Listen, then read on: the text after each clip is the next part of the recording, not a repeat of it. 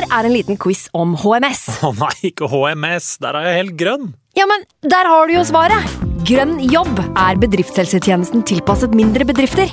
Våre HMS-eksperter hjelper mer enn 8000 bedrifter over hele Norge med alt fra lovpålagte HMS-krav til pålegg fra Arbeidstilsynet. Få på plass bedriftshelsetjeneste på grønnjobb.no. Hallo? Jeg kommer fra Oslo politikammer. Ine Jansen er purk. Er du purk? The motherfucking bitch. Alt jeg vil, er å finne ut hva som skjedde med mannen min. Jon Carew. Er jeg sikta for noe? Iben Akeli. Det er du. Ole So, Lars Berrum og Big Daddy Karsten. Hvem sin side er du på, egentlig? Anette Hoff, Tone Danielsen, Kommer du fra Afrika? Jørnis Josef, Nesten. Kløfta. Trond Espen Seim, Det er synd å si det, men det var feil mann som døde. Purk. Premiere tirsdag på TV2 Play. Nå har vi starta. Fantasy. God evening.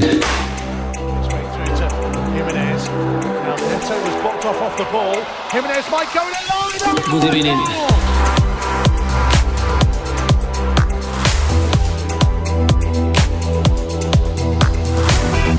Hei, og velkommen til en ny podkast med Fantasyrådet. Mitt navn er Franco, og Sondre han er i Wien, men jeg sitter her med min beste venn fra Innlandet, og kanskje noe av det beste dere har å by på der inne.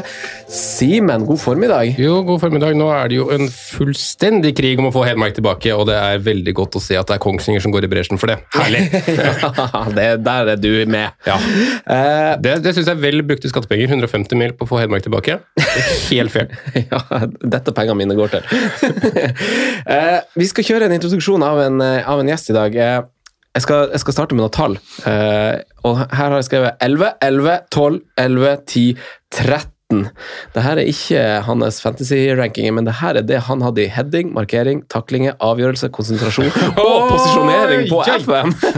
Velkommen, Knut Master. Takk for det. takk for det. Hyggelig introduksjon.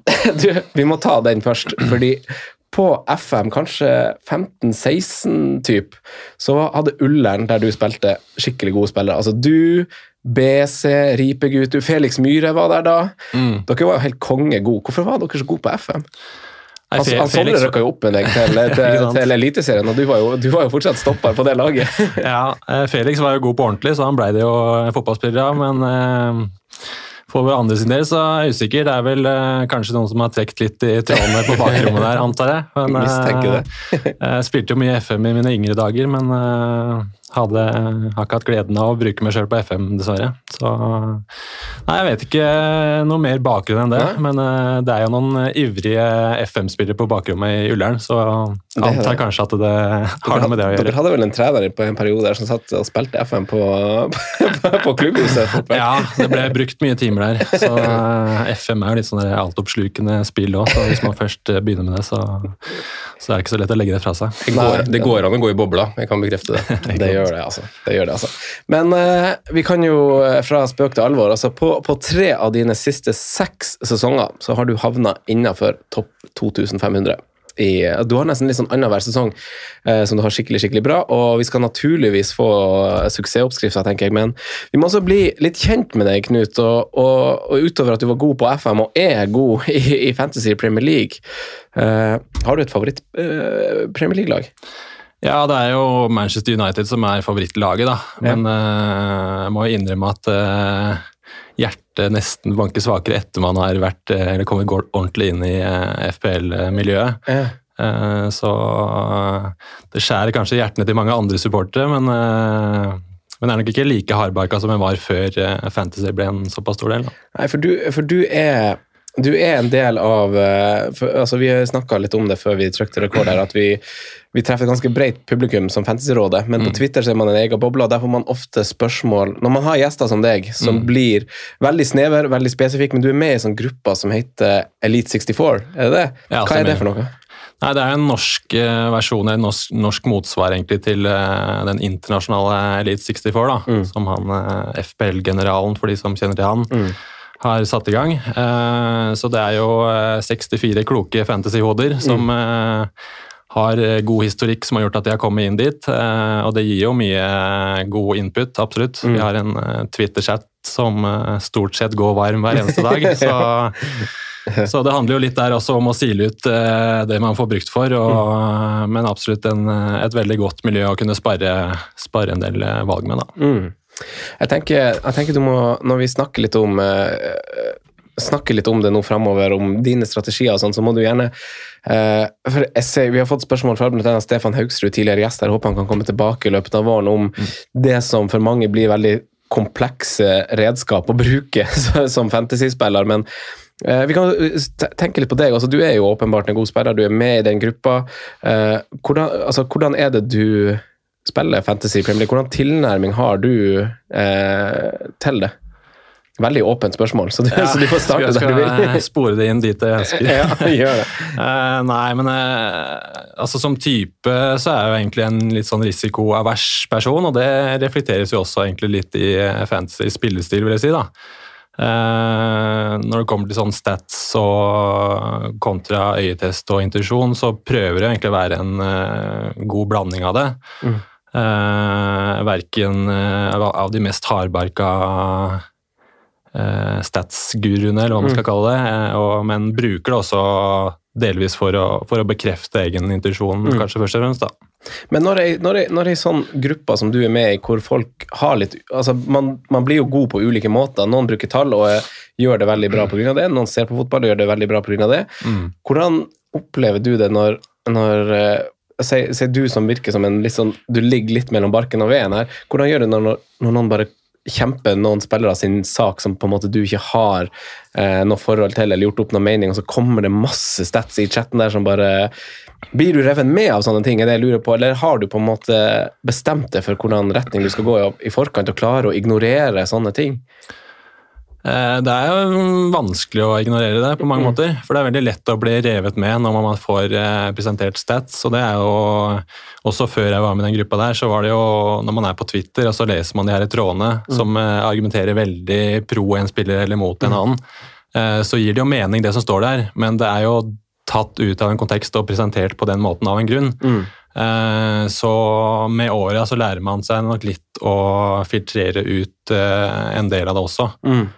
Eh, Det tror jeg nok. Mm. Eh, Så ja, man prøver alltid å være litt kritisk til det man får presentert. Mm. Eh, Men det har, det har jo absolutt noe for seg å, å lytte til til de som er veldig inne i de her modellene også. Da. Nå, du nevnte jo Stefan, han er jo i ferd med å miste seg sjøl litt med, inn, i, inn i det her. Ja, han, eh, men skal vi, før jeg kan avbryte deg, så kan jeg ta spørsmålene, så kan du få utdype det du kan av det, for du sa kanskje dere må få han med sjøl og for, la han forklare. Men han syns, hva syns dere om Elite Analytics-gjengen og optimalisering?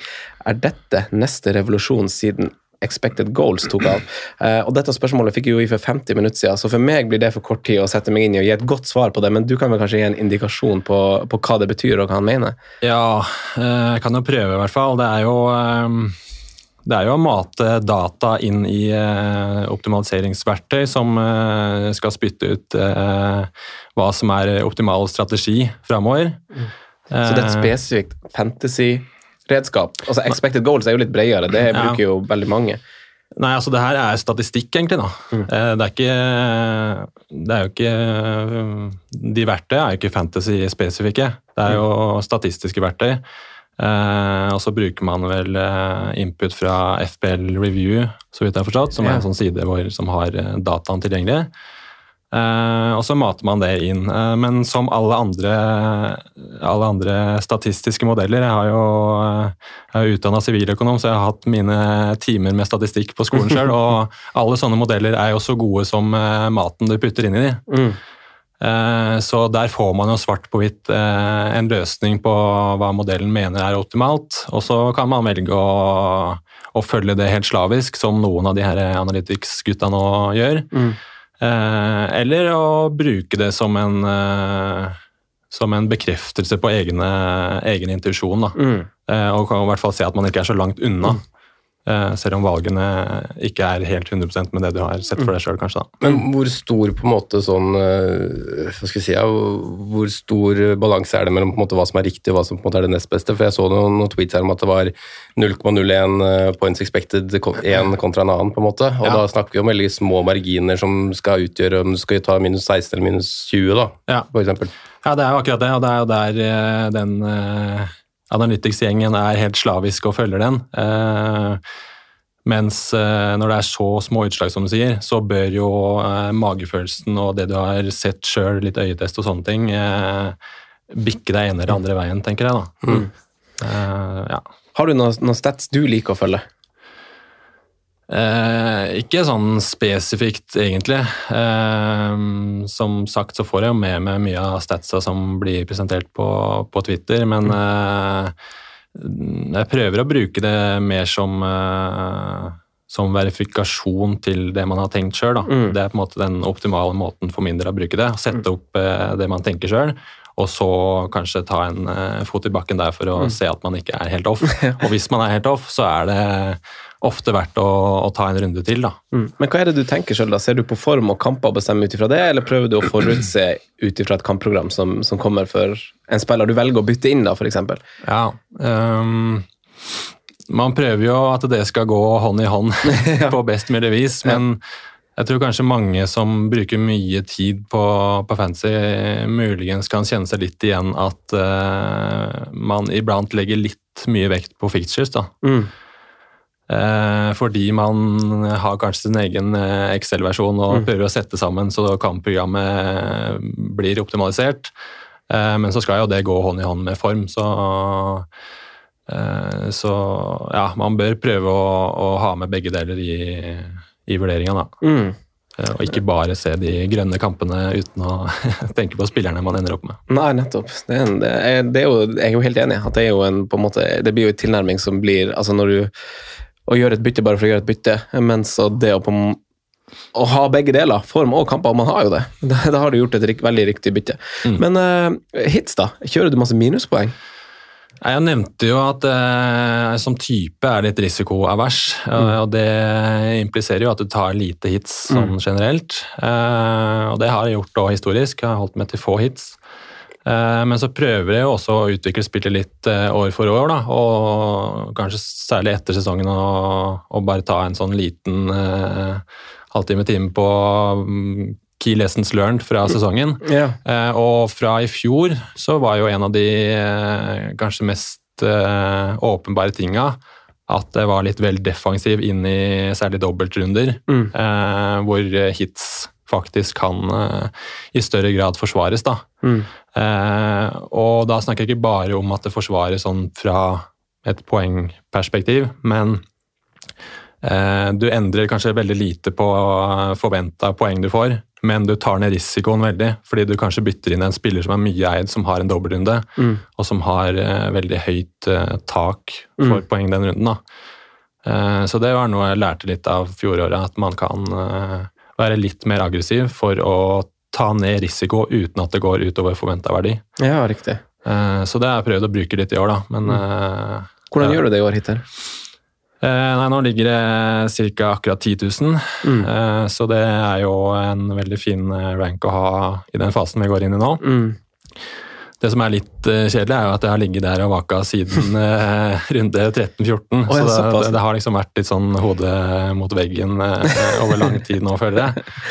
Eh, det var vel i var det runde 15 vi fikk første Ja, covid-utsettelsen. så eh, den eh, tida fra da og fram til nå har vært litt sånn eh, litt kjedelig og litt tung, Mm. egentlig. For da har man ikke kunnet planlagt så langt fram i tid. Det har vært Mm. veldig mye usikkerhet rundt kamper. Eh, Det blir sånn brannslokking og runde for runde? ja, det blir det. nesten, altså. Så nei, jeg syns det var eh, litt befriende når vi fikk eh, noen ekstra kamper eh, annonsert her eh, på, på fredag ettermiddag. Mm. Um, så man faktisk kan legge noen strategier og, og planlegge litt Mm. eh, lenger fram i tid. Åh, det blir bra å snakke om i dag, for det er jo det vi skal, skal snakke veldig mye om. Men du er jo utvilsomt, eh, i hvert fall hvis du har lagt litt av Manchester United-supporten, eh, at det kommer i andre rekke, litt for fantasy i Premier League. Eh, Når du gjør det så bra, og det sier jo kanskje litt om dedikasjon som, som, som fantasy-trener, og ikke engang på bryllupsdagen tas det pauser, Knut. Det her har jeg blitt fortalt at du må fortelle om.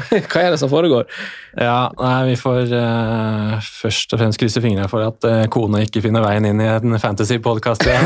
Men uh, nei, jeg var jo så heldig å stå brudgom i, i fjor høst. Uh, vi hadde jo to forsøk tidligere på bryllup, i off-season selvfølgelig.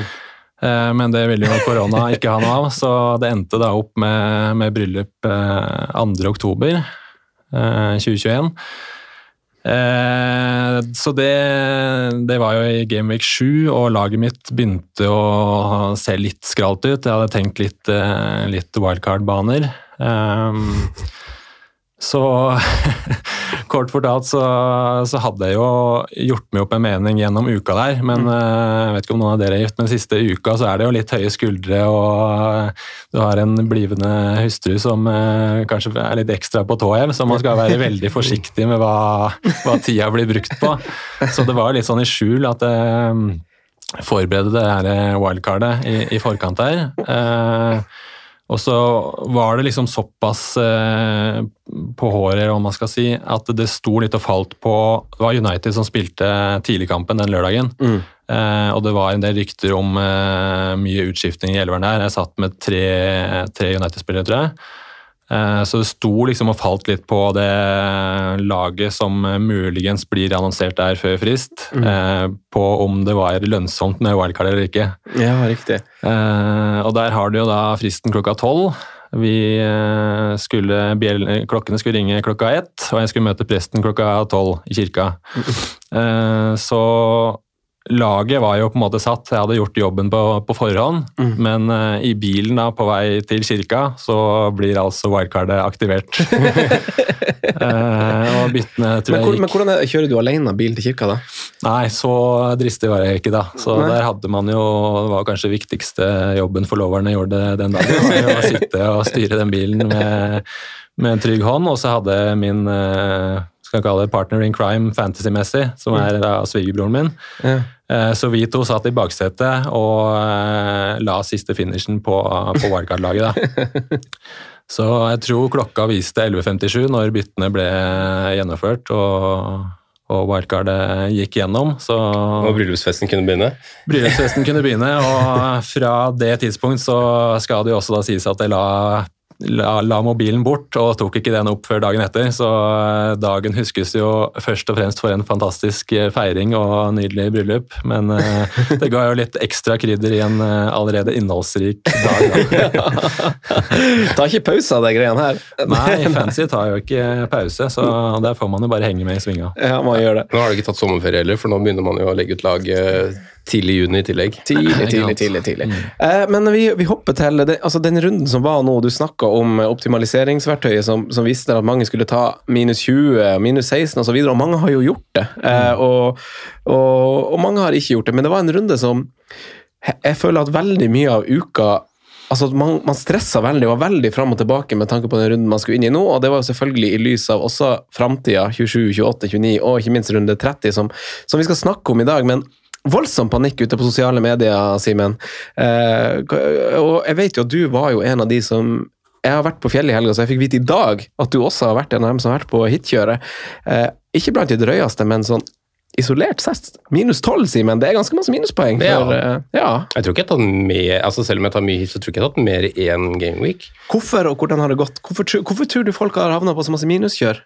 Nei, det er jo noe som sier, at man har liten betegningstid, og at det kommer shop såpass eh, altså Det kommer såpass store nyheter rett før frist, egentlig. Det kommer vel klokka fem. Fredagen, ja. Klokka fem. Eh, I tillegg til at de kampene som faktisk kommer inn, matcher veldig godt med det man ellers skulle sette inn eh, og har lyst til å sette inn, og andre kamper som også kommer i etterkant. Så, så for min del så gikk det litt sånn hånd i hanske, de kampene som ble plassert. Mm. Eh, og selv om jeg ikke hadde bestemt meg for også hvilken chip jeg skulle bruke akkurat i det jeg gjør byttene, så gir egentlig alle byttene mine gir mening mm. med minus fire. Eh, fordi jeg hadde jo gjort, gjorde to bytter torsdag kveld, egentlig bare for å unngå å havne i en null, i worst case en minus 0-1-fella. Mm. Jeg hadde 0-2 å gå på, men plutselig så gikk Dike opp og, og, og var det, Saka opp og Jota ned. Mm. Um, så jeg endte med å ta inn Saka og van Dijk på torsdag kveld, for Jota og um, det var første forsvaret jeg kasta, det var vel uh, Dalot. Ja. Um, og så endte jeg også med å legge på Tierney for Alonso. Uh, jeg endte med å legge inn Jiminez for Ollie Watkins, uh, og da har du en minus 12 allerede, ja. Mm. Uh, så var jeg faktisk også nære å ta en minus 16 også, med å ta Ruben Diaz til Conor Cody. Ja. Men jeg unngikk å bruke den fordi jeg endte helt på tre minutter før deadline der men å bestemme for at jeg skulle gå triple cap i stedet for bench boost. eh, Som var veldig viktig når man ser sluttresultatet, men ikke så enkelt faktisk når du ser på hvilken benk jeg hadde. Eh, For jeg sitter med en benk som jeg unngår un- unngikk å bruke benchboost på. Jeg sitter med David Igea, Joao Concelo, Ruben Diaz og Paul Pogba. Ja. Eh, Så jeg hadde veldig lyst til å kvitte meg med den benchboosten der, men så fikk jeg i denne Jeg, jeg utvida klubbhousen denne uka her for å få en time der og, og skravle litt, og da ble jeg vel klar over at uh, 28-runden er like så grei å egentlig få brukt den benchboosten i. Eh, jeg så vel egentlig på den som også en mulighet til å bruke triple captain med Mohammed Salah, selv om det er to bortematcher. da. Eh, så jeg endte med å ta minus 12, og jeg har vel egentlig tjente tjent inn allerede, nesten. I tillegg til at alle som jeg tar inn, har en kamp ekstra i tillegg, og eh, påfølgende dobler videre, så jeg er veldig fornøyd med den jeg. 12-eren. Eh, rett og slett. Apropos eh, Knut sin, sin, sin eh, end of season notes, holdt jeg på å si. Litt aggressivt inn i dobbeltrunden der. ja, og så har jeg ikke klart det som jeg hadde som keynotes i fjor, da, å være mer tidlig på aggressiv til runden, men det er litt sånn, sånn som nå også. Jeg har jo ikke, jeg har jo ikke somla meg til å aktivere freeheaten engang. Jeg. Nei. Fordi at jeg trenger den der avkoblingen når jeg først har gjort det byttene og tenkt fantasy, selv om ikke jeg tenker sånn veldig mye ekstremt i forhold til mange andre, tror jeg. Så er det sånn at jeg synes det er veldig deilig å koble av når jeg først har gjort det byttene den runden, og så kan jeg begynne å tenke på fans igjen når vi prates mandag og man liksom er i den modusen igjen. da. Ja. det kommer tyskerne, tror jeg òg. og da så har jeg ikke fått gjort det ennå, men det blir jo free nå, da. Og så blir det nok en benchboost i 28 for min del. Jeg tror det er det som passer best. Å gjøre en minus 4 eller minus 8 inn der også, faktisk. Men um, for, for å få jeg tror bare bli, bli kvitt den benchboosten, og så nærmer seg vel wildcard igjen etter det, og så er det resten av sesongen etter det, da, på en måte. Eh, så det ble triple captain, og det er jeg veldig fornøyd med, altså. Tenk om man hadde brukt benchboosten og fått seks seks poeng, da. Det hadde vært uh, tynn suppe, å eller få Eh, nå vet man ikke om det blir helt treff, da man har i hvert fall fått return på Sala allerede. og Man har allerede fått tre bonuspoeng, så returnen er egentlig grei. Og så kan det jo se ut som at Liverpool skal skåre et par mål mot Leeds, Det som er en kamp som er igjen. Så mm, jeg skal ikke utelukke at det blir full maks heller, men jeg tror det blir sånn helt ok treff. da. Eh, kanskje man utligner blir cirka litt over Bowen, da, for de som triple cap han tidligere i år. Mm. Hva, hva med deg, Knut? Fulgte du egne instrukser og kjørte aggressivt inn i double game i Q6? Ja, det var jo planen hele veien, det. Fram til eh, fredag klokka fem, eh, når det kom ekstra kamper. Så jeg hadde jo planen klar med Jeg hadde nok endt på en minus åtte, minus tolv-variant. Eh, rolig fredag med tacomiddag i heimen. Eh, men så kom jo de her ekstra kampene, eh, som gjorde at eh, for min del falt veldig mye på plass med et wildcard, da. Uh, Altså, du har kjørt wildcard? Jeg har kjørt wildcard. Ja, for det så jeg var en sånn bølge som plutselig gikk Ja. da de ble lansert. Så var det sånn wildcard istedenfor triple cap og sånn. Ja. Ja, ok. Ja, og, og det var liksom min uh, Både min første, uh, kall det intuisjon, etter man fikk de her uh, kampene. Eh, først og fremst er jo grunnen at du, de doble eh, som kommer i 28, det er også veldig eh, gunstig med tanke på de som eh, har spikra kamp i 30. Mm. Det er egentlig det du er inne på også, Simen. Eh, Så, så det gjorde at det ga mening for min del å wildcarde. Eh, Man kunne jo Har du da brukt triple capen? Nei, Nei. det er det jeg ikke har. Så det, det blir jo ikke med fryd man ser Liverpool eh, Leeds eh, om noen dager. Det, det Leeds-laget så jo ikke bra ut nå. Eh, og Ti poeng på Sala første kampen var jo Det tror jeg både triple cappere og, og de som ikke fikk på den skipen nå, er helt greit fornøyd med, egentlig. Eh, han var vel forventa rundt ni poeng, så, så det kan man ikke klage på noen av veiene. Men eh, Nei, så, så da endte det jo med wildcard, og eh, har da satt opp egentlig planen for, for veien videre, da. Eh, og i likhet med det, Simen, så blir det da free hit også i 27, så mine er eh, aktivert allerede. Der tror jeg det skal eh, Skal gjøre alt om. ja, det skal nærmest en verdenskrig til for at den uh, freehiten der ikke skal eh, skal uh, i spill. Så nå står riktignok Putin og banker på døra borte i Ukraina, men, uh, men jeg, tror ikke, jeg tror ikke det er noe fare for at det er freeheat som er veien å gå nå. Eh, så det skal vi jo snakke, snakke litt mer om muligheter der. Men det blei det som var min bane, da. Eh, så det blir, det blir skip-bonanza i ukene som kommer. Det blir det, det er gøy!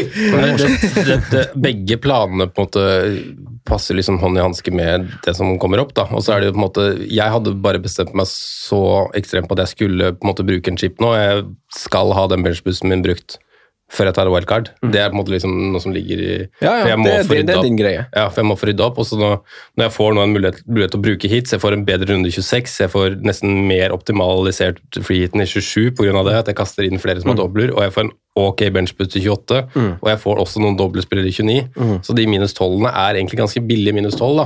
Og så vurderer jeg de poengene som Altså, jeg vurderer wildcardet mye mer verdt enn de 12 poengene, da, på en måte. Så, så det er på en måte balansegangen der. Men jeg var jo inne på et wildcard, jeg også, men jeg følte at det hadde blitt litt waste, da.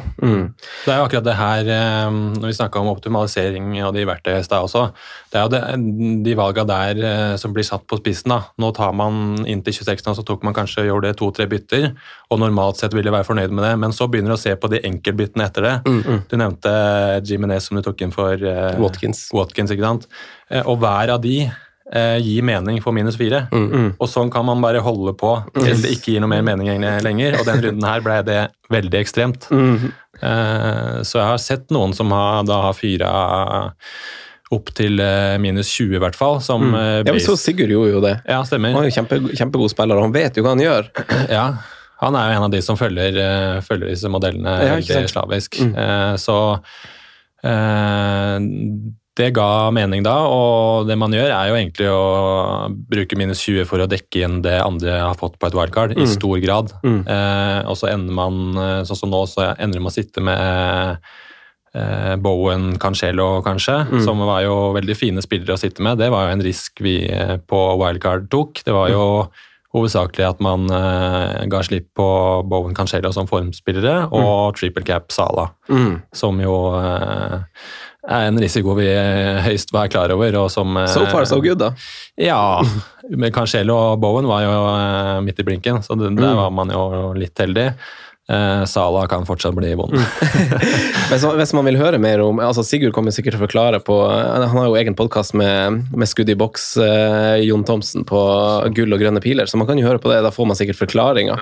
Eh, men eh, men jeg, jeg har jo vært på Jeg har vært i Hemsedal i, i helga med, med en felles venn av oss, med min gode venn Runar og din tidligere lagkamerat, og en annen god venn. og visste, vi visste jo Jeg hadde inntrykk av at det kom til å komme en slags lansering, så jeg hadde jo på en måte en plan A hvis det kom dobbel gamehicks, og så hadde jeg liksom en plan B hvis det liksom ikke ble lansert noe. Det var bare å sette på en, en Wolves-forsvarer og bytte ut uh, Hvem var det igjen, da? Yota, selvfølgelig. På midten, og bare bruke de to free transferene mine, ikke noe mer. og, og og derav sette på to spillere som mest sannsynlig hadde kamp i, i runde 30. da. Eh, men det ble jo litt annerledes da de nyhetene kom, så da ble det plan B. Og jeg kjørte ikke noe minuspoeng, eh, så det har jo på en måte gjort at jeg har fått ei lita grønn pil fra, fra 22 til 21 000. Eh, jeg tror det er minuspoengene som gjør det, fordi enkeltspillerne mine, som De Bruyne og sånn, Cancelo som jeg valgte å beholde, Bowen, de har jo ikke gjort noe som helst. Mm.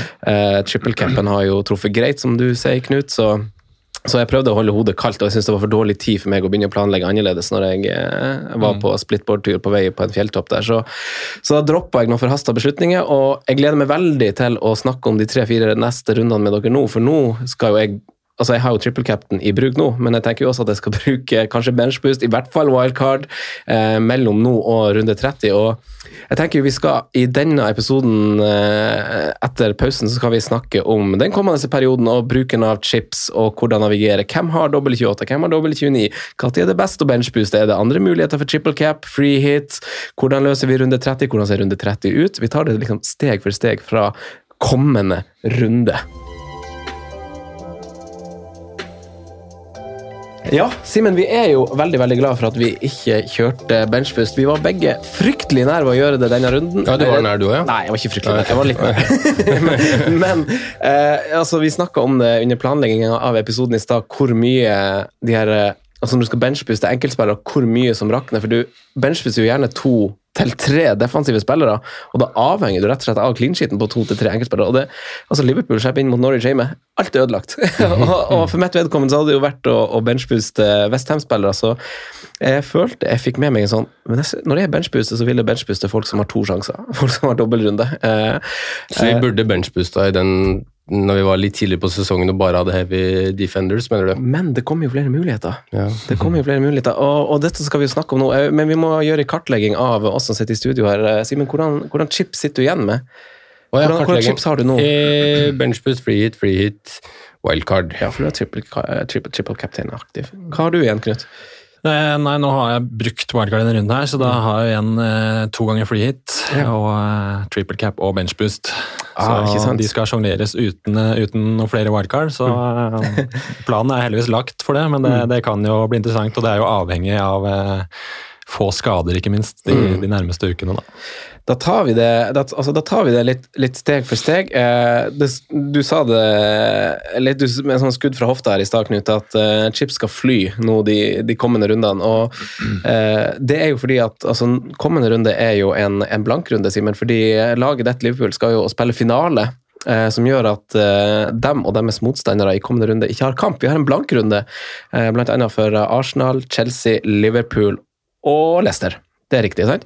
Så det er en blankrunde, og her eh, har vi snakka om å bruke free hit. Knut, du har avslørt at du har den, eh, har den spikra for ditt vedkommende. Eh, jeg har kommer ikke til å kjøre frihet, mest sannsynlig.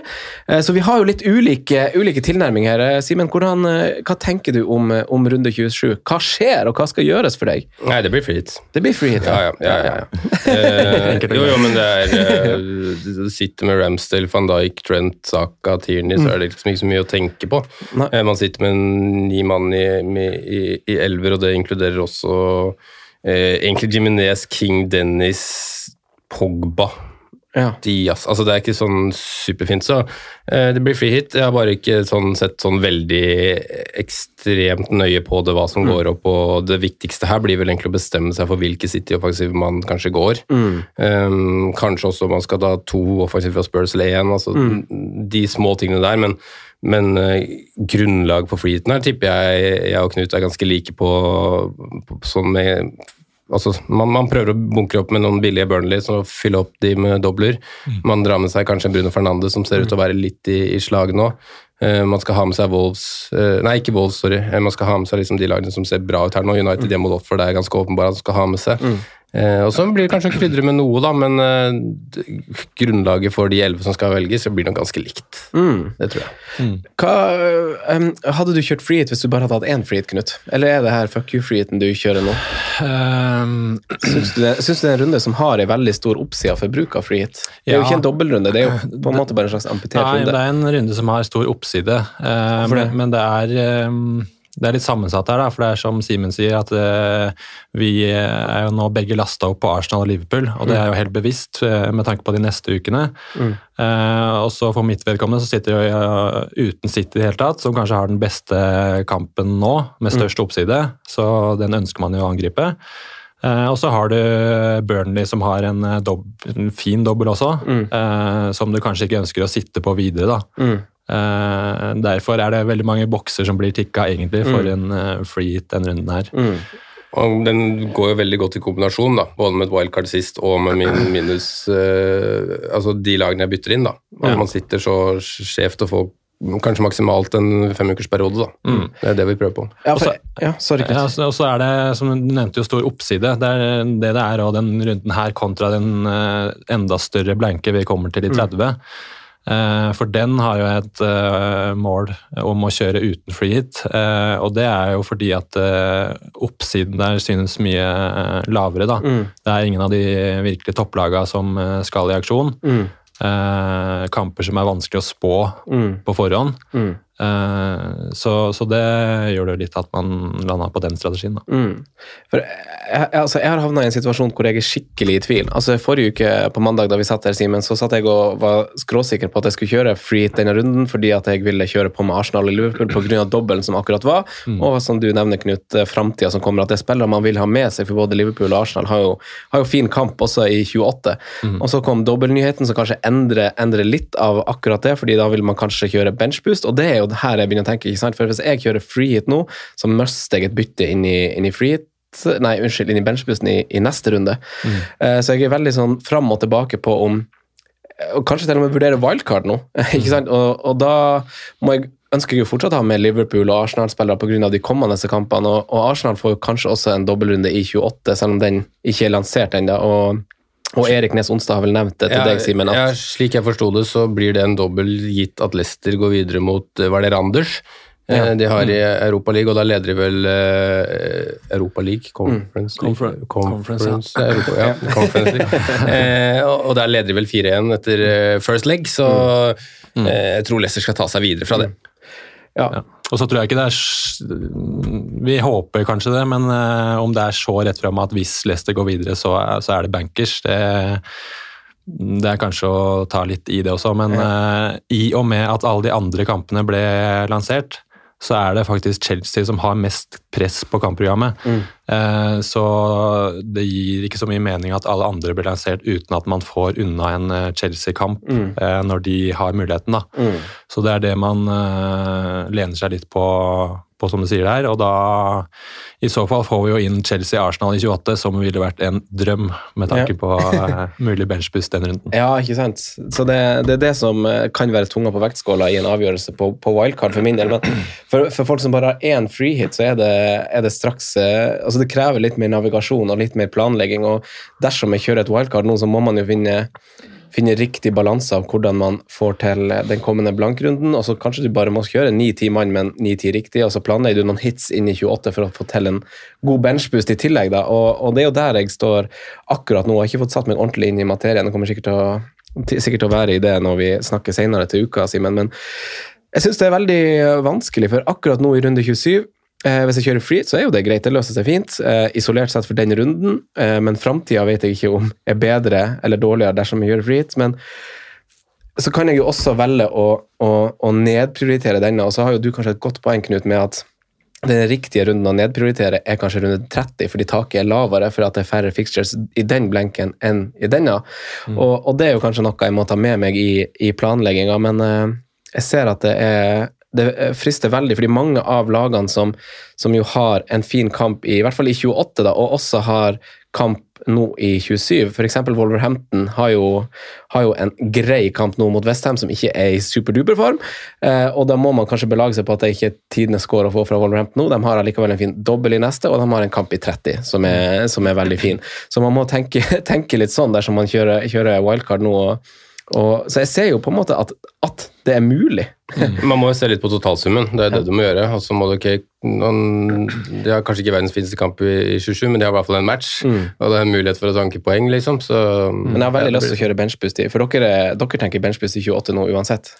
Så ja, altså, Det kan jo selvsagt skje ting gjøre at man liksom ikke klarer å stable det, og unødvendig hit og sånne ting, men eh, eh, både 28 og 29 er sånn mulig, fordi man klarer å fylle en benk mest sannsynlig, så, men jeg har sett for meg 28, ja. Ja, det er for min del, og det er absolutt målsettinga å få unna benchboosten i 28. Eh, Det er jo en sånn chip som kan gnage litt, hvis du, spesielt hvis du blir sittende på den uten å ha et wildcard. Mm. Så er det vanskelig å finne veldig mye verdi der uten å måtte på hittekjøret. da. Så eh, per nå så tror jeg faktisk det sitter eh, tre Arsenal-spillere for min del på den benken eh, i 28, og som har en Jeg husker ikke akkurat eh, hvem de møter, men det er en decent fixture. Mm. Eh, Ja, ikke sant? Og så eh, får de eh, forhåpentligvis inn Chelsea, og da er det jo tre andre som går på benken, men da eh, da er det gode spillere fra gode lag med god kamp, så da blir det en no-brainer. Så det, det er liksom bare å håpe på at det ikke kommer noe særlig skader mm. neste runde. Da. Mm. Det, hva, hva, tenker dere om eh, Hvis vi tar runde 27 først, og nå har vi klart å flette inn litt 28 også, fordi det er en, en eh, så stor dobbeltrunde som det er blitt. Og vi kan jo for så vidt ta det for de som Det er en herlig tid, da. Vi må jo si det. Det er jo det. Det er nå det er morsomt. Det, er det er morsomt. Og det som Knut sa tidligere, nå kan man også ta seg tida til å planlegge litt, for det covid-kjøret virker å være litt over. Ja. At nå virker det som at det vi har foran oss, er legitimt å, å, forholde seg til, og det er jo vanvittig deilig. og Da er det bare å sette seg ned med blokka eller Excel eller hvordan man planlegger. Og, og, og de som har fått dobbel i 28 for å ta det, er ikke alle som følger med på Twitter. Da har vi jo Wolverhampton som har to kjempefine kamper. De har fått inn som en dobbel i 28 mot eh, Palace og Watford. På heimebane så har vi Leeds, eh, som, ikke, som kanskje er bunn i bøtta når vi kommer til form i Premier League akkurat nå. Har allikevel Leicester er borte, og Aston Villa i en dobbel. Watford har en dobbel, så da holder vi vel på Joshua King og Dennis, da, dere her. Ja. mot, Arsenal hjemme. Jeg sjekka FB-liven i, i helga, så står det liksom bare 'Star Player'. Emanuel Dennis. Deilig. og jeg var så mye fram og tilbake før runden òg om jeg skulle kjøre det minus fire. Og jeg orka ikke å ta det innledningsvis da vi snakka om, om planlegginga til runden, for det, man vurderte jo alle spillerne eh, som var mulig å vurdere. Men da hadde jeg fort napp, nappa ut Dennis, ikke sant? Mm. Sitter du med begge, eller bare han? Jeg sitter med begge. Du sitter med begge. ja. Sitter med begge, men du kan, altså, så lenge jeg ikke skulle bruke wildcard, da, så kan du ikke kaste to spillere som på en måte med planen din har fire matcher i løpet av de to neste gameweekene og spiller på topp. Altså, det, nei, det Men så er det det. Altså, de, altså, Ja, men- det, det er sånn fire-fem runder siden de hadde skutt på mål før den kampen. Jo da, der. men uh, det er jo ikke helt utenkelig at en spiss i et lag i Premier League kommer til å skåre mål i løpet av fire matcher. Og så er høydepunktene fra den kampen òg. Det var jo Watford som var solid best. Hadde masse sjanser. Så de kunne fort fått med seg mer også. King burde skåret, Dennis var farlig frampå en gang til. King er sparer tilbake, så um, Ja, nei, man skal ikke Hør deg, Roy! Men de har uansett en, fått en ny dobbel da, eh, mot, mot eh, Arsenal hjemme og mot Wolverhampton borte, så ikke en kjempefin dobbel. Nei, men det er en dobbel. Det er en dobbel. Og så har Newcastle fått seg en fin dobbel, og de har jo Brighton hjemme og Southampton borte, to sørkystlag. Aston Villa og Tincho har fått uh, Southampton hjemme og Leeds borte. Southampton derimot har fått Villa borte og Newcastle hjemme, og så venter vi litt på om Chelsea og Arsenal kanskje kan få en kamp, men som du sier, Knut, det, det er bare spekulering. Men en ganske stor, eh, stor dobbeltrunde. Hva eh, vi, skal vi, jeg, jeg vil bare lande én ting på 27 først, og, om deres mening, og det er free hit versus ikke free hit. Hvor, eh, hvor, altså, hvordan kan man stå for å ikke aktivere free Knut? Hva, kan de rettferdiggjøres å ikke kjøre det, og liksom kjøre ni mann hvis man har? Ja, for min del så det handler jo selvfølgelig om hvor mange man klarer å ha på banen, men det handler jo også om de du eh, står med, da. Eh, Simen nevnte noen innledningsvis her som eh, veldig mange står med, som ikke har veldig god kamp. Mm. Eh, så det kommer litt an på hvor mange City også du står med. Det er en del av de som unngikk eh, å bruke noe i hvert fall de som unngikk wildcard nå sist, da, som står med litt City fra før. Mm. Og da står man jo plutselig en del bedre.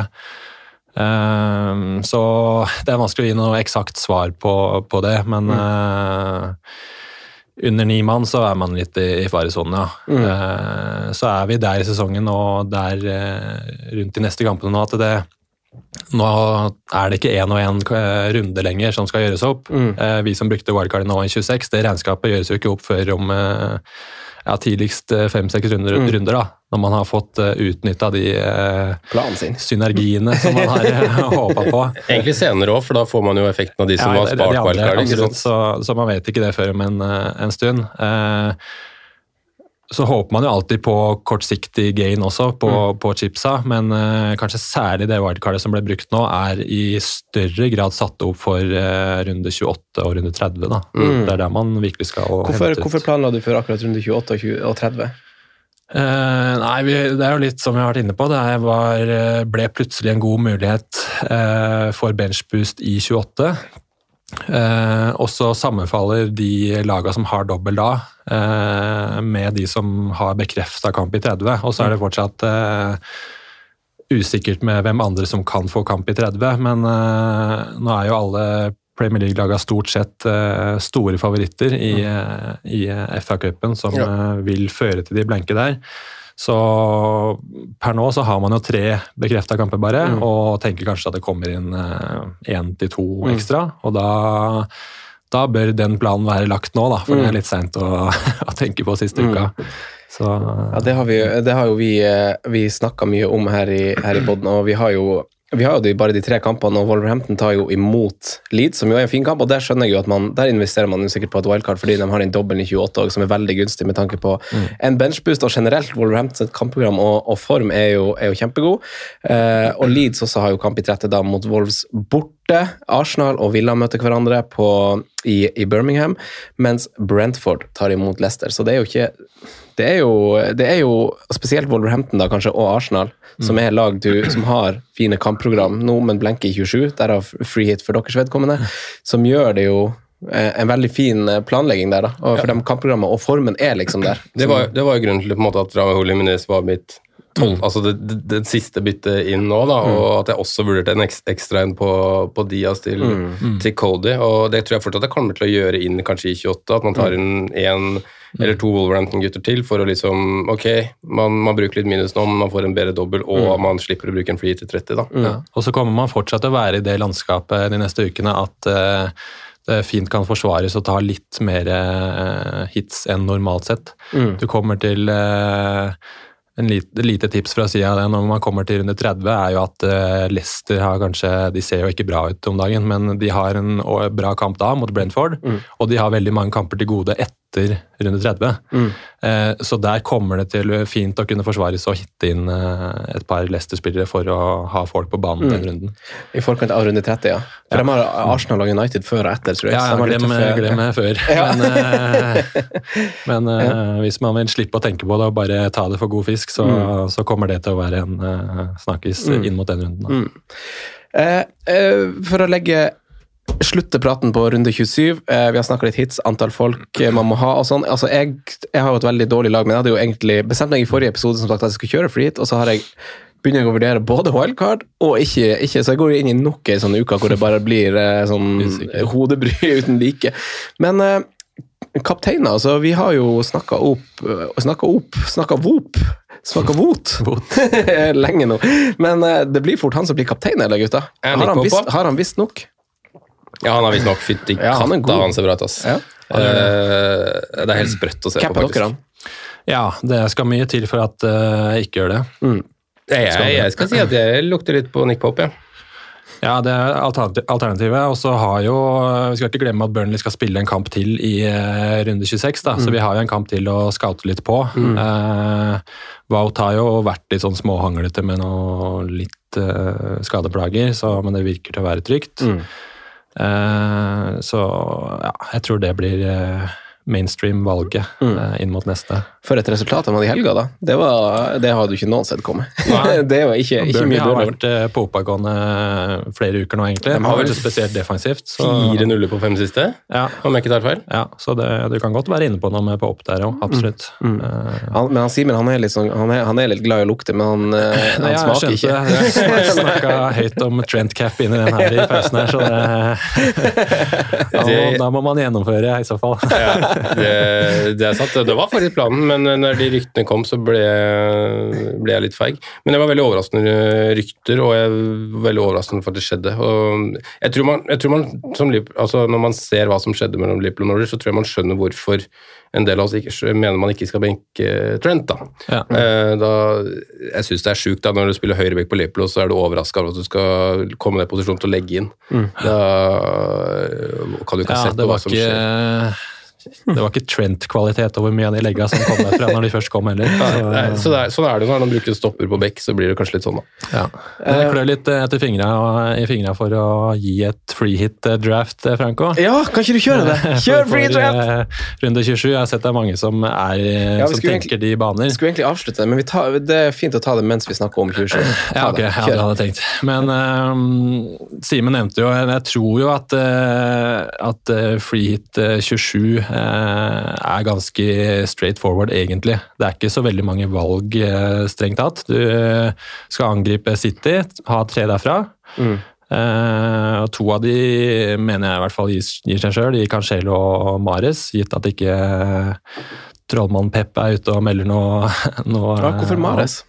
Nei, det, det handler mest om form og litt uttalelse fra Pep eh, i det siste om at Mares er eh,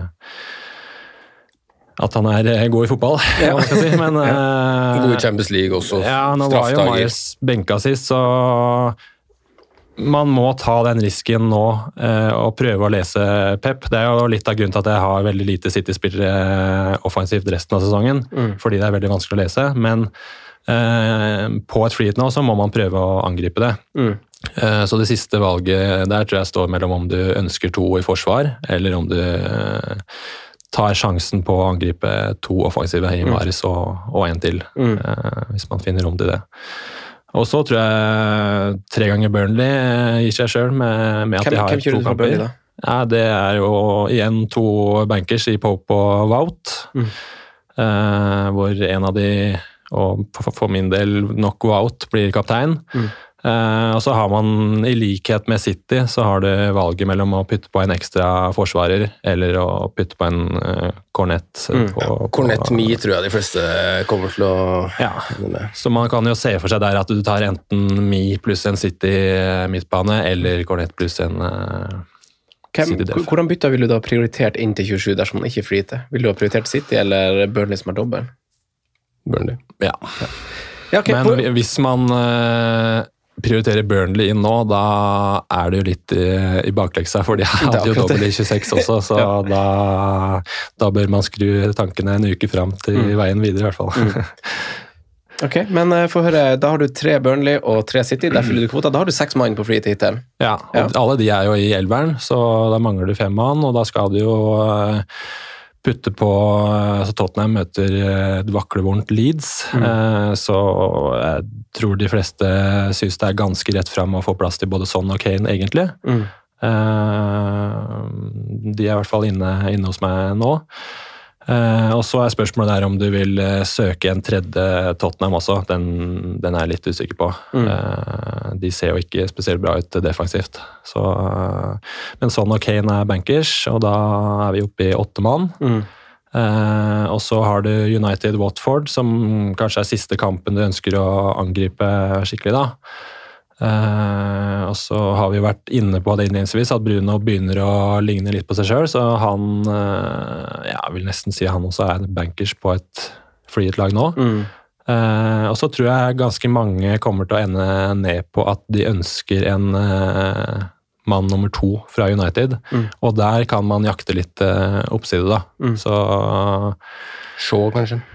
Ja, Shaw kanskje. Eh, jeg er ikke helt oppdatert på Jeg tenker på ja. Sancho, men det blir vanskelig hvis du skal sjonglere Kane sånn Bruno. Ja, det, jeg faller litt tilbake på teamverdi eh, her, mm. hvilke muligheter man har. Men uh, Sancho er den som står høyest på blokka hos meg også. Mm. Fordi han er på oppgang nå, ser bra ut. Du veit at han historisk har mye målpoeng i seg. Eh, så vi begynner kanskje å nærme oss et budsjett her, men, eh, men eh, Bruno pluss én til og Ikke Ronaldo? Nei. Jeg ser på de Tilbake til de statistiske modellene, så, så har de fortsatt Ronaldo på blant de høyeste med forventa score for den runden. Men nå er det såpass mye som peker nedover med mm. Ronaldo, så Nei, jeg bruker ikke 12,4 eller hva han koster på, på, å få inn han nå. Den uh, eh, syns jeg egentlig er ganske grei. Ja, man, man, tar jo Kane, i hvert fall etter den auditionen han hadde helga, ja, over. Mm. Så, så frontrekka og sistemann der som jeg ikke har vært inne på, uh, er egentlig Broya. Ja. På, som de møter Norwich. De har en god kamp, uh, de også. Så, god form? God form. Norwich eller Broha? Eh, ja. ja. Norwich er litt undersnakka om dagen, de òg, for ja, de har kommet seg. Så Ikke sånn som det var i høst, i hvert fall. Altså, Nei, ville... Det er ikke noen sånn rein kasteball lenger. Eh, men den gir seg litt sjøl, den frontrekka der, med Broya, Wout og, og Kane, syns jeg, da. Ja. Eh, så kan, hvis man ønsker å spekulere litt der, så, så har jo Southampton fire uh, spisser nå som alle er fit, og Brocha ble jo tatt av uh, etter paret 80 nå. Ja, 83. Uh, eh, var det Long som kom inn og scora, så, mm. så, man kan jo Gode gamle Shane Long, ja. ja og Brocha er vel han er jo leie, leiesoldat i tillegg, så mm. man kan jo spekulere litt hvis, du, hvis man ønsker det, da. Men uh, til den prisen så, så, tror jeg han også er ganske bankers. Mm. Så da nærmer man seg jo en elver der som som jeg mener er ganske rett fram, da, så er det de siste to-tre valga Mm. som, som alltid som er litt sånn 50-50. Ja, det er jo selvsagt noen jokere man kan, man kan krydre med. Man kan jo gå Bowen selv om man, de møter et godt lag. Eh, jeg syns man kan lukte på en Maximæ hvis han skulle være frisk. Nå vet jeg ikke om jeg har fått noen rapporter derfra. Eh, Så det er mulig jeg skyter uten å ha grunnlag for det. Men Brentford er jo, som vi prata om i stad, Franco, det dårligste formlaget i Premier League de siste 20 matchene. Ja. Eh, en offensiv fra Palace, kanskje, kanskje Coutinho. Altså, det er noen jokere, men det er egentlig det du sier som er stammen her. Altså. Det er jo én plass kanskje til de jeg nevner her, da. Ja. Men ja. da kan vi bevege oss til, til runde 28. Dere er i, i benchboost-vurderinga. Er, er den ganske rett fram, den òg, eller er det noen andre ting Og, altså, Free hit, triple cap, er det noen muligheter eh, her også, eller? For andre chipper, eller kjøre, er det ganske straight forward å kjøre Hadde, hit? hadde Jiminez vært i skåringsform, så hadde jeg nesten lyst til å sagt at vi kunne vurdert triple cap i Wolverhampton, med tanke på programmet er så fint, da. Ja. Vurderer du det, Knut? Eh, nei, overhodet ikke. Det, du nevnte det jo i stad, men det er, per nå så er det Southampton, Newcastle, Wolves, eh, Watford, Leeds og Villa som har dobbel. Og du finner jo ingen eh, spillere derfra som kan matche dobbelt til Salah i 29. Så nei, de baner ikke inne på. Nei, så det, er, så det er benchboost i 28 da, for dere er ganske bankers? Ja, det er det. Eh, Jeg har to United-spillere nå som jeg ikke har kvitta meg med, og det ser, ser liksom veldig for meg å gjøre David Igea til José Sa. Eh, ser veldig for meg å gjøre Paul Pogba til Filipe Coutinho. Eh, sånn de første byttene jeg tenker på. Og så benchboost ut fra det, og da står man med Husker ikke hva kanskje de fire svakeste blir, jeg, men om det blir en eh, to Watfords Nei, det blir jo ikke, de har jo dobbel. Mm. Så blir det antakeligvis ikke de som blir på benken, egentlig. Det blir kanskje Bowen på benk ja, mot Liverpool, og så blir det en Ja, det blir i hvert fall en ok benk med en do keeper som har dobbel, som uansett, så Interesting, interesting. Ja, gitt at, at Arsenal får kamp, så blir det en keeper på benken med dobbel. Ja. Det som er spennende inn der, er jo hvis det blir satt opp Arsenal-Chelsea. Mm. for da kan man jo tenke seg at Chelsea eh, har den beste kapteinen den runden. Eh, så det bør man også ha en liten sånn inngang Hvem du tenker på da? Nei, Hvis de får dobbel, så mm, vi må se litt mer Chelsea. Nå har de jo spilt eh, VM for klubblag og ikke har fått med så mye derfra. Men eh, hvis du har en Reece James som eh, er klar igjen til da, eh, så, så bør man jo kanskje ta et lodd, i hvert fall, da, på, på en eh, dobbel i Chelsea. Men uh, samtidig så blir målpoengene fordelt såpass mye der offensivt at uh, jeg, jeg er ikke så bekymra for uh, å ikke ha mer enn én derfra heller. Mount er vel ute. Siek er vel kanskje den som er i best form, virker det som. Ja, Siek var eh, Det var han som var hissig på målshowet, i hvert fall. Med både Ja. en annullert scoring og en scoring. Ja, han var det. Så jeg hadde Siek en periode i fjor, og da jeg noterte med han at han er god fotballspiller, men ganske ofte tredd sist på mye som skjer også. I hvert fall når han er litt lavere i banen. Så nei, jeg er ikke bekymret for å ikke skulle eie de, de gutta der. Eller LeBron og fotball da, i Christian Pulisic. ja, ikke sant? Må ikke glemme han. Nei, ok, så 28 er veldig Jeg er enig i at det er veldig skreddersydd benchbust, og jeg tror eh, jeg må, ja, Man må se på sitt eget lag og se hva som passer best, også, og på en måte se om det er det som passer best for deg. fordi Jeg er ikke nødvendigvis sikker på om det passer best for meg, eller om jeg burde utsette det til For vi får den store dobbelen også i 36, som jo ikke er lansert, fordi kampene som, som utgår i runde 30 og 33, eh, skal jo flyttes et sted, de også, og de kommer jo inn i 36. Så man får jo en stor dobbel også da, så man må, kan jo ha det i bakhodet nå at man må ikke kanskje rushe. Men eh, må se hva man kan lære å gjøre med noen hits, og man får et, får et veldig bra lag i 28. Så tror jeg også benchbus er veldig fin, fordi som vi sa tidligere, så er det jo en del lag som, som har en veldig fin dobbel, eh, som også har kamp i 30, eh, som, som, som gjør det litt appellerende for meg, spesielt Villa og, og Wolverhampton og, og Arsenal. Og kanskje eh, Rafinha må med, det må han kanskje fort vekk eh, på, på, på det. Eh, 29, da. Det er jo fått en dobbeltrunde der også, Knut. Det det ser, virker som du har oversikt over hvem, hvordan lag som har dobbel. Hvem, hvem har vi her? Ja, det jeg har notert eh, dobbelt på der, er jo Det er litt mer spennende lag enn i 28, egentlig. da. Du har eh, Brighton, Tottenham, Arsenal, Liverpool, Everton og Newcastle. Eh, så det er jo Arsenal og Liverpool som møtes, da, så det er jo en eh, toppkamp eh, sånn sett. Eh, men det var jo grunnen til at wildcard åpna seg i 26, var jo fordi at Salah fikk en ny spikra dobbel der. Så man fikk en utvei på triple captain. Eh, hadde man ikke fått den, så, så hadde det blitt triple cap den runden her. Mm. Eh, Så 29 også blir ganske rett fram for min del, eh, gitt, eh, gitt at eh, Salah holder seg skadefri og ser ok ut, så blir han eh, triple cap den runden. Mm. Eh, Riktignok to tøffe kamper da, i eh, Brighton og Arsenal, begge borte, tror jeg. Mm. Men eh, man forventer jo at Liverpool skårer noen mål og at Salah er involvert, så ja, den, den gir seg egentlig Det er mye som gir seg litt sjøl når man tok det valget om eh, wildcard denne runden her, da. Mm. Så det er jo en god følelse å slippe, slippe å sitte med de tøffe valgene runde og uke etter uke. Mm.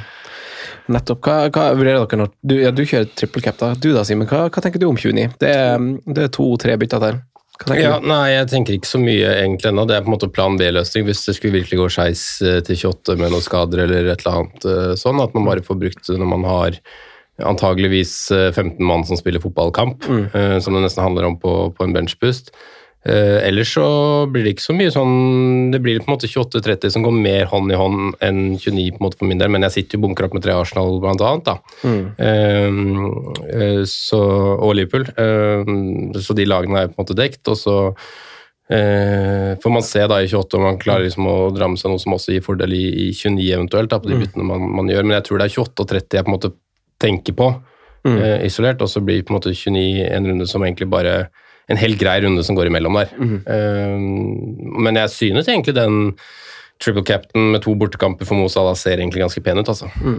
Herregud, jeg trodde jeg skulle sitte her og finne ut hvordan, hvordan planen min skulle lande, men jeg blir faen meg bare superstressa over Ja, hvordan jeg altså, skal Men det er så lagspesifikt i den fasen vi er i nå. så Det var jo sånn for min del inntil wildcard nå. Hadde det vært, Hvis jeg hadde hatt én til to eh, mann forskjell, Mm. så hadde konklusjonen vært eh, motsatt. At man hadde hitta et par isteden Ja, og spart. Så det er veldig lagspesifikt og eh, helt umulig å gi en sånn eh, generell tilnærming til eh, skipsbruk de neste ukene. Men, eh, men det er tida for å sette seg ned og, og legge planen for sitt eget lag. Det Ja. Jeg håper jo veldig at man får en edge av å spare wildcard, og kan wildcard så liksom ut av den, det laget man har satt seg si etter 30, da. Ja, og det er et godt poeng, for det er ikke Og i tillegg gå fra 15 til 11 mann. Ikke sant?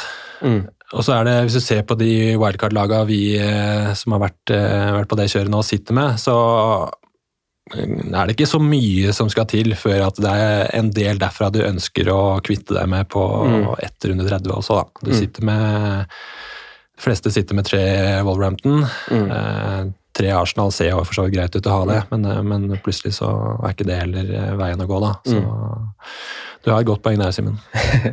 Jeg skal, jeg skal rett hjem og i notatblokka skal jeg bare skrive opp hele troppen min, og så skal jeg skrive eh, Gameweek 27, 28, 29, 30, og så skal jeg bare liksom hvem har blank, hvem har dobbel, hvem har blank, og så må jeg bare kartlegge liksom, hvor skal hvordan chip passer best. Og jeg tror alle, som du sier, Knut, bare må se hva som passer best for sitt lag. For det er de små forskjellene i én til to til tre spillere som gjør at kanskje man ikke skulle følge Knut sin plan, da, fordi jeg har jo han og han, og det, her, det her liksom kan jo være tunga på vei. Ganske Man må- avgjørelser. Man må jo bruke laget sitt som utgangspunkt, og egentlig Ja. ikke høre på alle andre hva de skal. Men altså det som passer ditt lag. Eh, og for min den runden her, så var det jo liksom det å ta minus tolv på grunn av de fem rundene, inkludert den vi gikk inn i. Så. Eh, så 29 er litt sånn, du kjører triple cap, det er litt sånn Jeg ser jo at jeg har jo Altså, for oss som prioriterte dobbeltrunden som var nå, så er det jo en del uh, som skulle gå hardt inn på Liverpool og Arsenal, så har man jo en dobbel i 29, da, for de. Så da, liksom, hvis du tenker For jeg, jeg har tenkt litt mot runde 30, og i runde, hvis man skal bruke freeheaten fra nå og mellom 30, så, så mister du jo et bytte, for du aktiverer freeheaten, så du får ikke det byttet med deg. Og det kan være ganske verdifullt i en så stor blankrunde, men derfor, så, så når du gjorde byttene inn mot 26 nå, så passer det ganske godt også mot det som er 29, og kanskje også 30 med tanke på Arsenal, for det var jo lag man vektla. Så har du liksom en dobbel med Liverpool og Arsenal i, i 29, og så har du kamp for Arsenal i, i 30. Så, så sånn sett så ser jeg jo at jeg kanskje er ganske godt skodd, eh, for jeg har jo tre fra begge, jeg òg. Så, så kanskje. Eh, runde 30, da. Hvordan, eh, hvordan vektlegger dere den per i dag? Altså Sånn jeg ser det, så som du sa, Knut, i stad, så tror jeg kanskje vi ser på Vi har de tre kampene som vi nevnte tidligere, og jeg tipper jo kanskje vi får fire eller fem. Eh, det er jo et par lag som, som kan ryke ut her. Eh, altså, altså Altså, Southampton kan få kamp hvis de rykker ut mot Westham, f.eks. Men det er, jo- jeg syns ikke det er så enkelt som papiret skal til. Den skal spilles på St. Mary's, så, så Southampton har hjemmebane og kanskje også bedre form enn en Westham sånn sett. Så fire til fem kamper. Eh, opplest og vedtatt at man prioriterer Wolverhampton med byttene sine nå, fordi de har fin dobbel og kamp i, i 30. Men hvordan ellers, eh, Simen, jeg kan spørre deg først, hvordan vurderer du eh, runde 30 å prioritere free hit VS bare det å bytte deg inn til en hvor mange store tropp? Jeg tror jeg lag? kommer til å følge mm, det mantraet Knut var litt inne på her i, stad, med at eh, jeg tror ikke nødvendigvis det er viktig å ha elleve Mannheim, så lenge du på en måte har de spillerne du er komfortable med, og, og nok på en måte av de. og jeg har jo brukt, brukte nå tre bytter vel for å få inn Arsenal og en Wolverhampton til den vi var i. Jeg sitter jo allerede med en, en Leeds. Jeg kasta riktignok en i Aston Villa, da, men det var jo både pga. rykter av benk og at jeg ville heller ha Jimenez i den posisjonen. Um, og at jeg kommer til å bruke de to kampene egentlig som en liten base, med Wolverhampton, Leeds, eh, Villa og Arsenal. For det er de jeg på en måte allerede har, og eventuelt kommer til å, å sikte meg inn på å bytte inn. da. Og så tror jeg at jeg, ok, om jeg stiller ni eller ti mann, det, er ikke- det er ikke så farlig. Um, jeg kommer til å kjøre med det, med det jeg kan, og så eventuelt bare hitte meg bitte litt inn i runden da, uh, på det jeg føler kan gi meg en oppside. da, Men da er det jo sånn da, da tar man jo en, som vi har vært inne på mange ganger i sesongen før, at man tar kanskje en minus to da, istedenfor minus fire, og så, eh, gitt at de på en måte spiller, og så håper man jo at de skal få en utdeling som man endrer i pluss, da, men det er jo også et sånn risikospill det der, da. Um, men jeg, jeg kommer til å bruke de fire kampene som base, ja, og så tror jeg at jeg kommer til å komme meg greit gjennom den runden og få mer nytte av en free hit senere. Rett og slett. Om det skulle bli en dobbel i 36 eller et eller annet, at jeg bare da bunker opp med det jeg vil ha dobler, og, og ikke trenger å fokusere på den. Også på det wildcard jeg setter, men ut sesongen, da. Ja, sånn, jeg, sånn jeg tenkte da jeg gjorde bytta inn mot denne runden, så, så, så var jeg jo litt stressa. Jeg var litt opptatt. Jeg var ikke stressa, jeg var opptatt. eh, som gjorde at jeg ikke kunne Du er planlegge. sjelden stressa, egentlig. Jeg har aldri, sjelden eller aldri, vil min samboer si. men eh, men, eh, men ja, Hvor var jeg skal si nå? Ja, fordi at jeg valgte å bare tenke veldig kortsiktig med det jeg gjorde, og ikke la meg stresse på minuskjøret, som, som jeg har skjønt at det foregikk noe voldsomt på Twitter. Eh, spredde seg som ild i tørt gress, der. Men da tenkte jeg at ok, nå må jeg bare tenke på, på 26 og 27, og så får jeg liksom ta det ettersom. Eh, så har jeg fortsatt et åpent sinn til hvordan jeg skal, skal løse runde 30, og da tenkte jeg sånn, et wildcard i 28, da har, vet du svarene på, på cupsresultatene, hvem du kan vektlegge i 30, og så har du også to bytter inn mot, og så på en måte å bruke. da. Eh, og det er jo fortsatt min tentative plan. Eh, men det kommer jo an på freehiten også, da, og jeg ser, eh, ser veldig det å, å kjøre den nå VS det å kjøre den i 30. Men det å kjøre den i 30 også ville ha løst masse problemer, men så er oppsida kanskje atskillig mye mindre. da. Men eh, å slippe å tenke på den er jo, er jo også veldig deilig. Så jeg må gjøre, gjøre noen vurderinger, men et wildcard for min del mellom nå og runde 30 er nok ganske aktuelt, tenker jeg, for å, for å finne ut av det. Eh, Knut, hvordan eh, skal du løse den store blankrunden i runde 30? Uh, nei, Den er jo forhåpentligvis løst allerede gjennom wildcardet jeg har kjørt nå. Så det, det er jo satt opp uh, sånn at uh, man har spillere til uh, Gameweek 30. Eh, og så var jeg så vidt inne på det i stad, men jeg tror også det blir eh, lønnsomt der å få inn én til to Leicester-spillere. eh, Som har Brentford den runden, og som sitter igjen med veldig mange kamper de skal avvikle etter runde 30. da. Eh, så, Hvem fra Leicester ser du på? Ja, det var det, da. Altså, vi, vi har god tid å kartlegge, det er ikke det. Ja. Men uh, akkurat nå så er det jo ikke noen som er veldig snas. Nei, det er ikke det. Det er de høye toppene til James Madison, da. Han Ja. var på benken nå, da, for eksempel. Ja, Eh, han har, eh, Madison var jo Han ble bytta inn og så tatt av igjen i den Conference League-kampen Ja, ok. fordi han eh, følte seg uvel, eh, ble det vel sagt. Så Fyllesyk. Kanskje. Eh, det kan godt hende, faktisk. Så, men han peker seg jo eh, ut som en eh, kandidat. Um, har vel noen bekker der eh, som kan ha litt verdi også. Ja, nå er James Justin tilbake. Justin, jeg har ikke helt oversikt eh, her og nå, skal jeg innrømme. Men, eh, Justin spilte vel på Anfield, ja, så han er tilbake, tror jeg. ja, Men han spilte ikke nå. Nå var det Thomas og, og Ricardo. ja. Og så har du jo en Vardy som er på vei tilbake, så det er ikke så usannsynlig at Vardy er beste kaptein når man kommer til runde 30. Ja, for Arsenal har jo ikke veldig gunstig Det er ikke gunstig å spille mot, veldig mot Villa å, veldig vanskelig å spå den, og veldig vanskelig å spå uh, Wolverhampton skårer få mål, selv om de Ja, har Leeds hjemme. ikke så er det liksom, Wolverhampton Leeds. Veldig vanskelig å spå Ja. de kampene. Så, så det er også litt av grunnen til at man ikke nødvendigvis bør hitte for å ha elleve mann der. Fordi du Ja, du kan treffe bingo, men det er jo ikke det man Man ønsker det, men det er ikke det man vil sette sin lit til, da. Hvor mye syns du man skal tenke på den runden med de byttene man gjør nå? Ja, det, det bør være med i vurderinga. Mm. Absolutt. Ja, så så, så utover, hvis man fyller Wolverhampton-kvota si, da, hva gjør man da? For det, det er pri én, altså Ja. kjøre på tre Wolverhampton. Hva er utover det? Ja, men like høyt er vel eh, egentlig kanskje å fylle Arsenal-kvota. Mm. Eh, men igjen, da, det da fordrer at du er på fly hit eh, nå, da. Mm. Så det er jo mange Da burde du vel nesten gjort det til runden som var. ja, Igjen, man- som vi var inne på vi er noen dager for seint egentlig til å ha den diskusjonen, da. Men, eh, For nå er ikke det stress før 29. Nei. Eh, så det er mange lag i den uh, diskusjonen der, skulle du si. Så, Mm. så det, men fylle opp Walbrampton-kvota. Uh, og så får du jo Villa er vel litt samme. Du får en dobbel i 28 og, og kamp i hvert fall i 30. Mm. Uh, og så kan man jo begynne å gamble litt med Det er jo Southampton Burnley da, som er den kampen som er eh, mest sannsynlig å komme inn, men den heller er ikke mer enn sånn drøyt 20 Mm. sjanse for at kommer inn. Så, 46 eller noe, så det er ja, jo så, men det gjør ikke noe å ha en, eh, en Southampton som vel dobler i, eh, i 28, så si du har en eh, Brocha eller en forsvarer der som, eh, som kan gjøre en jobb i begge de to rundene. Da. Liramento kunne jo hatt 18 poeng denne helga her. Han var Ja, jo er centimeter unna en scoring og fikk en, fikk en tolver der. Ja. Men apropos det med, med, med Leicester, da, og hvis man tenker seg på en måte rundt et wildcard si rett etter 31, så kan det jo egentlig faktisk være superinteressant å plutselig bare kaste inn på Peter Schmeichel Nei, Peter Schmeichel! det var i hvert fall til Kasper Schmeichel, da. Mm. Med, med potensielt tre hengekamp på, de- på de åtte siste gameweekene der. Ja. Så Den er ikke så dum, den. Eh, og det, det er faktisk litt av med, som er med i vurderinga på at et wildcard ble kjørt nå også. Det er jo at eh, de som skal wildcard etter uh, runde 30, de uh, må egentlig få en litt Leicester, fordi de har så mange kamper at det, det kommer til å være lønnsomt uansett. På papir, i hvert fall. Og de kan vi bytte eller hitte litt gradvis. gradvis inn, og særlig inn til Eller egentlig 30. til 30, da. Det er jo da den uka man sitter med, med de. Så, så da ender man ikke så ulikt eh, med et wildcard-lag eh, der uansett, kanskje.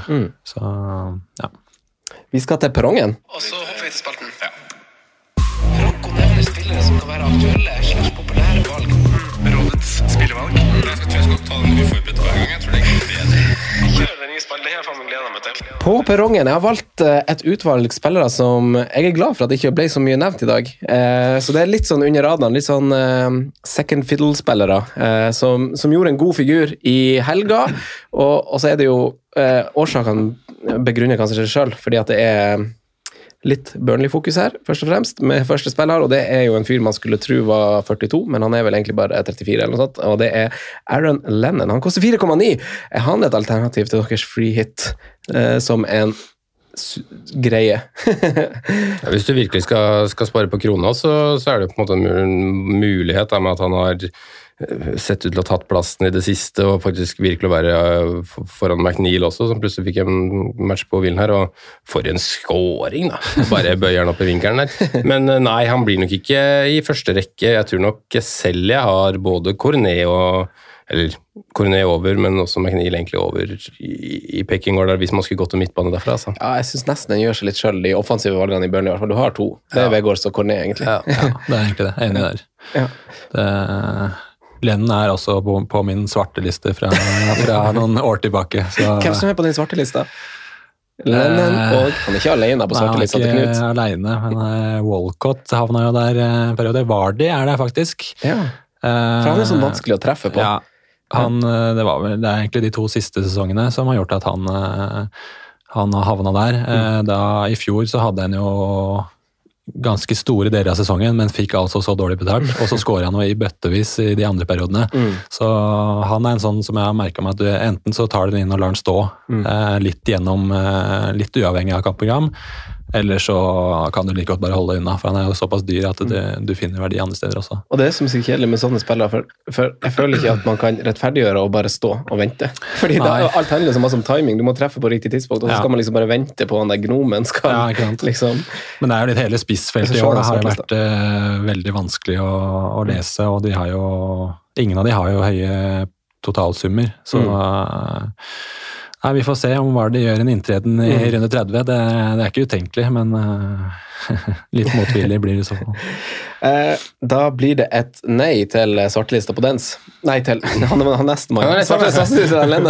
På Dens er nestemann. Han koster 5,5. Da mista han den eh, varme introen sin, men han gjorde en god figur i, i helga, selv om han er en veik liten fis i enkelte situasjoner. Så, så også denne sesongen så skal man begynne å snakke om på Dens. hva, hva tenker du, Knut? 5,5? Ja, jeg var jo ikke en av de som gikk i fella på, på dens i fjor. Eh, Hvorfor ikke? Nei, det var, det var litt tilfeldig, for så vidt. Man var jo veldig hypa i starten der etter noen gode, gode kamper. Um, så ja, jeg så Magnus Carlsen var tidlig på, bytta Ja. han inn til den runden her, og fikk jo maks betalt for det. Så hvis man ønsker å diffe litt, så gjerne det, men uh, ikke noe for meg. Men er ikke det en litt artig diff på, på, på Wolverhampton? Altså, eller er det, er det opplest og vedtatt at du skal ha to defensive og Raúl Jiménez? Er det det du tenker? Ja, mm, hvor, uh, Hvilke perspektiv har du fremover? da? Du har liksom gjennom runde 30. Mm. Ja. Ehm, basert på hvordan Wolverhampton har vært både i år og egentlig de siste åra, så, så ønsker man nok heller å bygge to i forsvar der kontra å ha to offensive. For da eh, Jimenez er jo prioritert foran Podence uansett, Mm. og da, da tror jeg det holder med å ha én derfra. For det fins jo lite som er mer frustrerende enn å se et lag som er eh, dårlig offensive, som Mm. du har to stykker fra, og de, de skaper jo lite sjanser. Så det, Mm. nei. Det blir en eh, nei på han, dessverre. Fin begrunnelse. Han er sånn som, som liksom kan friste litt på bakgrunn av en sånn eh, akkurat som du beskriver, sånn fin joker, og så Han var god i den kampen der. Så Magnus Carlsen har han. Men det blir et nei fra meg òg, Simen. Ja, det blir det. Eh, Man ser jo Det har jo vært For det første er det jo vaklende med minutter. Altså Det er ikke noe Det er liksom går i perioder, og så er det en skade, og så plutselig kanskje en benking etc. Og så er det liksom relativt svak med målpoeng når du ser det litt over tid også. Eh, Det er en ti målpoeng på fordelt på, på snart eh, ja, to, to sesonger og en veldig kort eh, 1920-sesong. Så det blir, det blir et nei. Eh, Jeg tenker liksom at Wolverhampton så er det enten tre defensive eller to pluss én. Og så er jo Pedro Neto tilbake òg nå. Årets spiller fra i fjor. Så han var jo på, på, med i troppen også. Det blir et nei. Eh, Neste er en helt fra i høst som, eh, som gjorde en god kamp, Simen, som du snakka litt opp da vi planla episoden i stad. Eh, Valentino. Livramento. Livramento, ja. ja 4,3. Han har sunket i pris igjen, han. Eh, Ja. eh, hvis han han er Ja, han er vel klink på det laget der så lite han er, han er frisk og rask, eller? Jeg tror det, altså. Ja, er han det nå? Ja, det- det er det jeg er som usikker er på. at eh, Hadde han vært helt bankers, så han var, altså Jeg sitter med Leveramento fram til jeg tok han ut på wildcard nå. eh, Men, du tok han ut på wildcard nå først? Ja. Du har han bare vært på benken? Ja. Ja, bare sitte der. Eh, men de siste kampene så har jo uh, Perrault og Walker Peters spilt eh, noe. Nå, nå var jo Livramento tilbake med brask og bram den runden her, men det er ikke så eh, klink at eh, han er inne i elveren her som det var en periode. Eh, for Southampton har gjort det bra når han har vært eh, skada også. Så han kan fort få seg en hvil her og der. Han er også et alternativ som kant på det laget. Så han, forrige runde så kom han jo inn som kant. ja, ikke sant? Eh, så helt klink eh, 90 minutter er det ikke på Livramento per nå, men eh, Jeg er ikke trygg på det sjøl, altså. Nei. men jeg har vært inne på en tanke der med Vi var innom Free Hit 27-laget, eh, og der hadde ikke så mange defensive spillere enda. Så hvis man har penger til det, så kan du faktisk ta Livramento pluss eh, pluss eh, kanskje Walker Peters, da, så har du dekning der. Og så eh, veit du at en av de starter. Eh, De spiller jo hjemme mot Norwich, så det kan være fin verdi. Men eh, da bruker du jo 4-3 på Livramento og 4-8 på Walker Peters, Ja, tror jeg, så, så du bruker litt mye penger da. Men, Da blir det nei Ja, det blir til. Valentino. Eh, siste spiller på lista er en spiller som har eh, Han har han har en uh, fin pris, og han har levert skåringer i det siste i, i formfraværet til sin uh, nesten litt lookalike, i hvert fall i telecammen der. Rodrigo og, uh, og Rafinha. Han har jo Tottenham nå, men så har han en dobbel, og så har han kamp i 30, og han har vel to skåringer på sine siste tre, hvis jeg ikke tar feil. noe sånt. Er det en billigspiss å vurdere altså i samme gate som vi vurderer Weghorst nå, da, i en, i en dobbel i bakhodet? Jeg ville vent meg til en annen Leeds-spiller egentlig heller, faktisk, i eh, James. Ja, nå trodde jeg du skulle si Rafinha, men Reece Nei, Reece James. Ja, Daniel James. Hvorfor Ja. det? Eh, nei, han spiller jo Han har jo sementert plassen sin som startende spiss nå, Mm. eh, så, og levert greit med målpoeng. Eh, så jeg syns jo han er vel så eh, interessant, egentlig. Mm. Så jeg var faktisk eh, Endte jo med å ta med Rafinha på wildcardet, men eh, du hadde jo James i samme posisjon, han står jo som midtbane på spillet, eh, til litt eh, lavere pris, så det var ikke så langt unna at det havna der, faktisk. Eh, for nå har Rafinha vært litt, eh, litt off, eh, så man, man var jo egentlig greit heldig nå med at han kom inn, selv om han var benka, og skåra. Mm. så da, da bør man jo Skåra og fikk gult kort. Ja, man bør jo kunne stole på at han spiller framover. Det er vel eh, Bielsa er vel litt tøff der som, eh, som benkeren, da, med at han eh, kanskje har hodet litt andre steder. Mm. men han er jo bestespilleren deres, så så jeg følte vel at Rafinha var det trygge valget der, men hvis man skulle jakte litt oppside, så ville jeg vente meg mot James der, faktisk. Simen? Klarer meg med Rafinha, jeg. Synes det, eh, Daniel James han er litt artig, for han er, han er i en sånn gruppe, jeg har en sånn treergruppe på altså Daniel James han har sånne overraska ansikt hele tida. Litt sånn hva skjer? Mens han eh, Tiago Alcantara han er jo veldig sånn intens i blikket hele tida. Og så har han Gabriel Jesus som er sånn trist, sånn der, «Øh, litt sånn synd på meg. det er de tre. Så er det noen som har flere blikk, blikk sånn, veldig sånn gjenkjennelige, karakter, kar karakteristiske blikk. Jeg kjenner det aldri. Ja. Det kan variere litt mer. Eh, Knut, det var ekstremt hyggelig og givende å ha besøk av deg. Jeg håper du kommer igjen. Eh, veldig hyggelig at du tok deg tid. Det gjør jeg veldig gjerne. Veldig hyggelig å få være med her, og en stor, stor ære å bidra i podkasten. Veldig hyggelig. Eh, Simen, takk som vanlig. Vær så god, Franco. Og takk selv. Vi snak takk. Ha det. Ha det godt.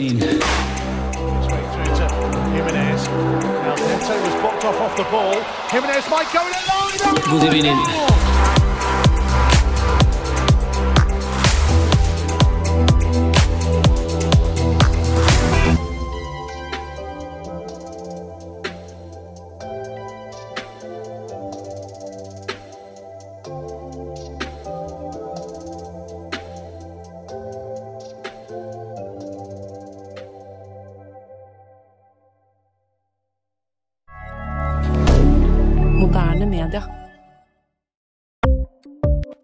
Ukens annonsør er Folio, en smartere banktjeneste for deg som har en egen bedrift eller ønsker å starte for deg selv. Folio er en superenkel nettbank for bedrifter. Som kunde i Folio får du en bedriftskonto med et bedriftskort og app. I denne appen er det smarte løsninger som forenkler regnskapet ditt, uansett om du har en liten bedrift eller et enkeltpersonsforetak. Folio er både intuitivt og brukervennlig, og er laget med et enkelt språk. I tillegg tilbyr de forutsigbare priser og ingen skjulte gebyrer. Skulle du likevel trenge det, så kan du snakke med deres raske og hyggelige kundeservice, og der får du prate med en faktisk person og ikke en chatbot. Folio er med andre ord både enklere og koseligere enn banken. Over 10 000 bedrifter har allerede valgt Folio som sin banktjeneste, så besøk folio.no og se hvordan Folio kan forenkle din hverdag også. Har du et enkeltpersonforetak eller en liten bedrift? Da er du sikkert lei av å høre meg snakke om hvor enkelt det er med kvitteringer og bilag i fiken, så vi eh, gir oss her, vi. Fordi vi liker enkelt. Fiken superenkelt regnskap.